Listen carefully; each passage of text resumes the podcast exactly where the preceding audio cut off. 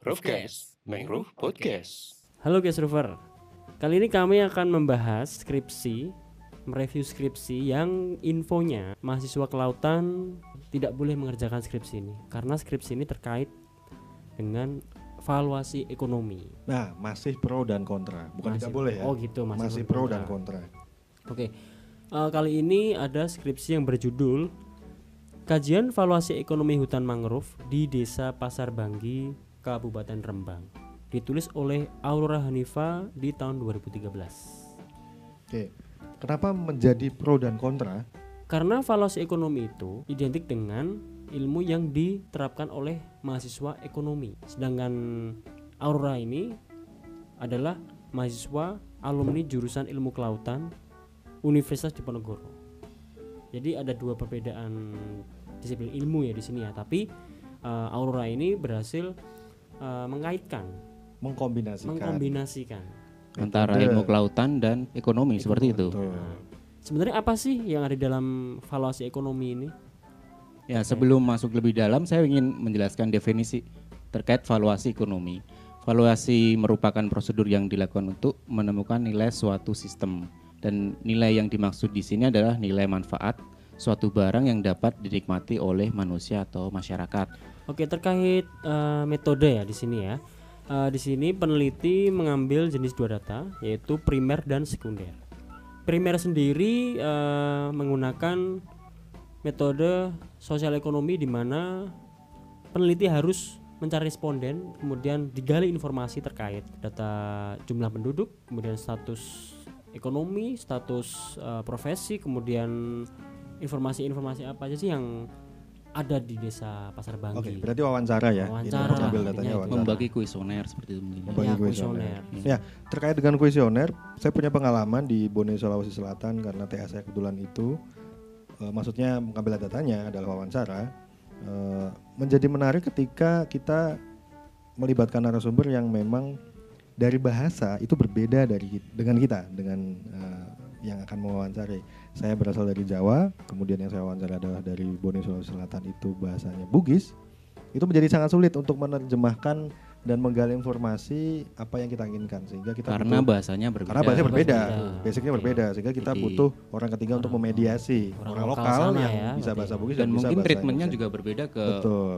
karena budayanya berbeda juga. budaya berbeda juga. Jadi kadang juga pertanyaan yang saya tanyakan jawabannya melenceng kadang seperti itu juga. Oh, Nah, iya. jadi kita perlu benar-benar em, memahami sekali eh, Oke, kemudian dengan hasil, Gus, kira-kira Untuk- apa yang bisa kita dapat? Hasil yang ada di skripsi ini akan saya bacakan terkait eh, populasinya yang diambil datanya di Pasar Banggi itu ada 2.952 jiwa yang ada di sana. Terus 50% laki-laki dan 50% perempuan. Oke, untuk ke tingkat pendidikannya ternyata hanya satu persen yang sarjana, yang SD itu lulusan SD 88 persen, yang lain SLTA 7 persen, terus eh, sorry SLTP 7 persen, yang SLTA 4 persen. Untuk mata pencahariannya di sini cukup menarik. Mata pencahariannya 80 persen nelayan. Pasti kan di daerah pesisir pastinya 80 lebih banyak nelayan. Ya, seperti ya. ini. Terus 10 persen eh, tani, terus yang kecil tuh eh, PNS. Oh, PNS kecil ya tapi didominasi oleh nelayan karena memang Iya. eh, geografis Rembang Pasar itu ada di Di pesisir daerah pesisir. Ini ada yang hal menarik terkait datanya itu eh, pengetahuan mangrove eh, berdasarkan sa- hasil kuesioner lap- 50 koresponden mengatakan bahwa 6% sangat mengetahui, terus 6% sekedar mengetahui dan 54% ragu-ragu.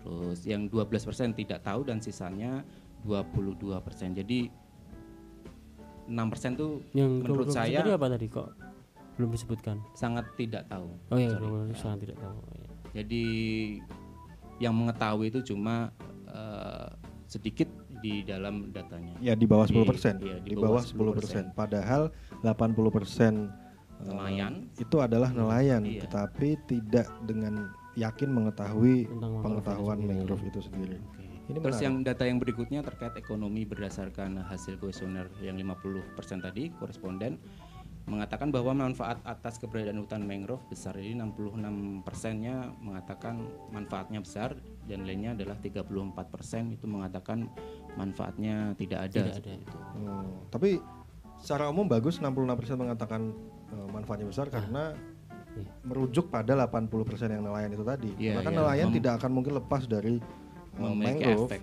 manfaat Pasti akan memiliki manfaat ya. Ya, betul sekali mungkin bisa dijabarkan lebih lanjut terkait eh, Oke, eh, Hasil. lanjut dari hasil eh, penelitian Aurora Hanifa ini bahwa manfaatnya yang bisa didapatkan dari kawasan mangrove yang nantinya akan dikonserv, yang akan di convert convert, yang di convert ke nilai ekonomi. Yang pertama adalah ada tiga nih, eh, sorry ada empat, manfaat langsung, manfaat tidak langsung, manfaat pilihan dan manfaat eksistensi.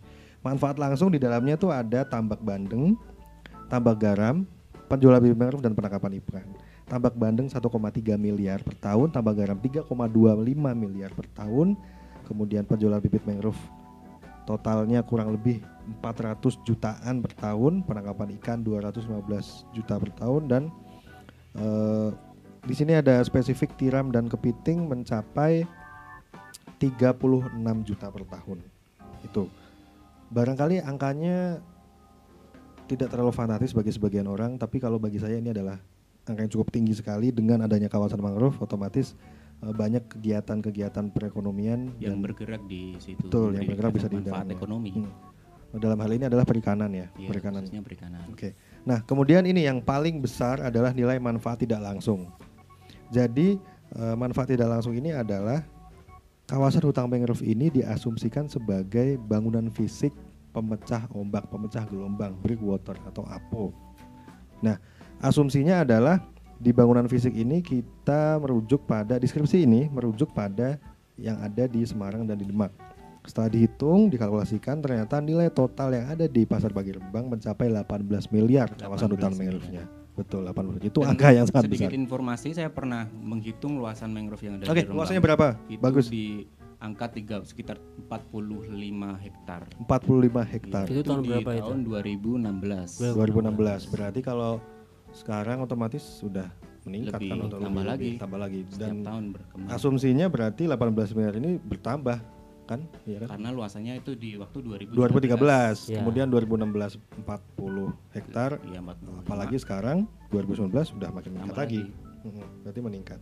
Kemudian manfaat pilihan dan eksistensi di sini nggak sampai 5 juta. Tapi apabila kita total dari manfaat langsung, tidak langsung dan manfaat pilihan itu mencapai totalnya adalah bagus silakan. Untuk totalnya di angka 19 miliar, lebih tepatnya 19 miliar 610 juta per tahunnya. tahu Wow. Di, dijumlahkan dari Ya, nilai yang tadi, ya, langsung, manfaat-manfaat itu langsung tadi. itu di angka segitu luar biasa. Jadi ketika ada perusahaan hutan mangrove kita harus juga pikir-pikir lagi eh, ada nilai ekonomi yang besar sekali ternyata di Iya. di, di hutan Oke. mangrove itu. ah. Jadi bayangan saya ketika kita selesai membaca kesimpulannya adalah ternyata kegiatan rehabilitasi, rehabilitasi dan konservasi yang telah dilakukan di Pasar Bagi Rembang ini memberikan dampak atau efek yang cukup besar di bidang ekonomi. Iya, Terbukti dengan hasil risetnya, valuasi ekonominya mencapai 19 miliar. betul betul. Satu desa. betul. Satu Bayangkan, desa, satu 19 desa miliar. 19 miliar. Lagi dikalikan lagi. Dikalikan aja di pesisir Pantura ada berapa gitu. Tapi eh, catatan pentingnya adalah pasar Bagi Rembang ini mangrove-nya memang menjadi acuan eh, kawasan mangrove yang bagus di Pantura Jawa. Seperti itu. yang saat ini bisa disebut terkenal dengan jembatan merah ya Ya karena di sana sekarang udah ada ekowisata mangrove-nya. Bagi yang sudah pernah ke sana mungkin bisa eh, membayangkan kawasan hutan mangrove yang sudah padat eh, dan lebat mangrove-nya di sana. Udah ada kawasan ekowisatanya dan yang menjadi menarik adalah dengan dibukanya kawasan ini otomatis eh, nilai valuasinya bertambah tambah Ya, karena ada penambahan. ada penambahan profesi. Ya. Ya kan dengan adanya wisatawan yang ke sana otomatis banyak eh, bisa dibuka warung-warung makan, warung-warung yang jual-jual minuman. Tempat Kemudian ada parkir. tempat parkir juga Ya. gitu. Itu menambah Oleh mungkin menambah itu. pemasukan. Terbukti berarti memang eh, dengan adanya mangrove ini sangat-sangat memberikan dampak yang cukup besar bagi masyarakat sekitar. Menambah devisa desa menambah devisa desa, meningkatkan. Jadi terbukti ternyata memiliki nilai yang sangat fantastis. Nah, eh, ini menjadi penting ketika dihubungkan dengan kegiatan alih fungsi lahan. Jadi mangrove itu ketika eh, tumbuh dengan baik, kita juga dapat menerima manfaatnya dengan baik juga. Gitu. Oh, ini ada sedikit informasi nih terkait uh, perundang-undangan ya. Hutan mangrove di Desa Pasar Banggi itu sudah dicanangkan sebagai hutan lindung yang dipayungi Undang-Undang Nomor 27 Tahun 2007 tentang pengelolaan wilayah pesisir dan pulau-pulau kecil dan uh, Peraturan Daerah Kabupaten Rembang Nomor 8 Tahun 2007 mengenai pengelolaan wilayah pesisir laut dan pulau-pulau kecil di Kabupaten Oh, Rembang. berarti sudah ada dasar hukumnya Iya. kita tidak bisa sembarangan merusak, Merusak. mengalih Iya. fungsikan lahan di uh, pasar Bagirbang karena sudah ada yang mengatur di sini. Iya. Ini saya kira cukup baik ya uh, pemerintah daerah membuat uh, kawasan yang memang secara uh, teritorial dasar hukumnya kuat gitu. Jadi tidak ada lagi kegiatan-kegiatan perusahaan mangrove. Kalaupun ada pasti akan dihukum. Iya, karena udah Iya. ada undang-undangnya. Sudah ada undang-undangnya. Terkait permasalahan yang tadi kita bahas di awal, ternyata kan eh, skripsi valuasi ekonomi mangrove ternyata penting kan?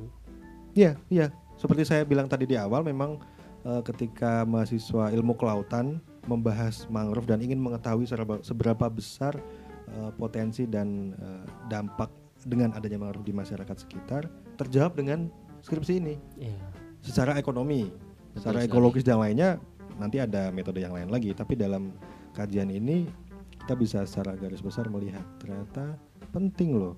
Apabila ada basis data yang lengkap, ini kan 2013, harusnya per tahun tuh ada Updating data. updating datanya. Setiap tahun ada yang skripsian terkait valuasi, Valuasi ekonomi. ekonomi. Jadi kita Nah, tahu sekarang eh, masih sedikit mungkin ya. masih sangat sedikit. Iya. Dan yang menarik adalah ketika di setiap daerah, barangkali di tiap kabupaten yang ada di pesisir Jawa itu ada data mengenai valuasi ekonomi ini. Itu menjadi sangat kuat sekali datanya pasti. Dan menarik kita bisa lihat kawasan mangrove yang apakah kawasan mangrove yang luasannya lebih sedikit bisa menghasilkan Valuasi ekonomi yang lebih tinggi atau lebih kecil, atau lebih kecil, kita kan belum dibandingkan tahu, itu. bisa Kenapanya dibandingkan. bisa dibahas di situ. kenapanya bisa dibahas. Kita bisa Heeh. tahu. kita bisa ekspor di situ. Iya.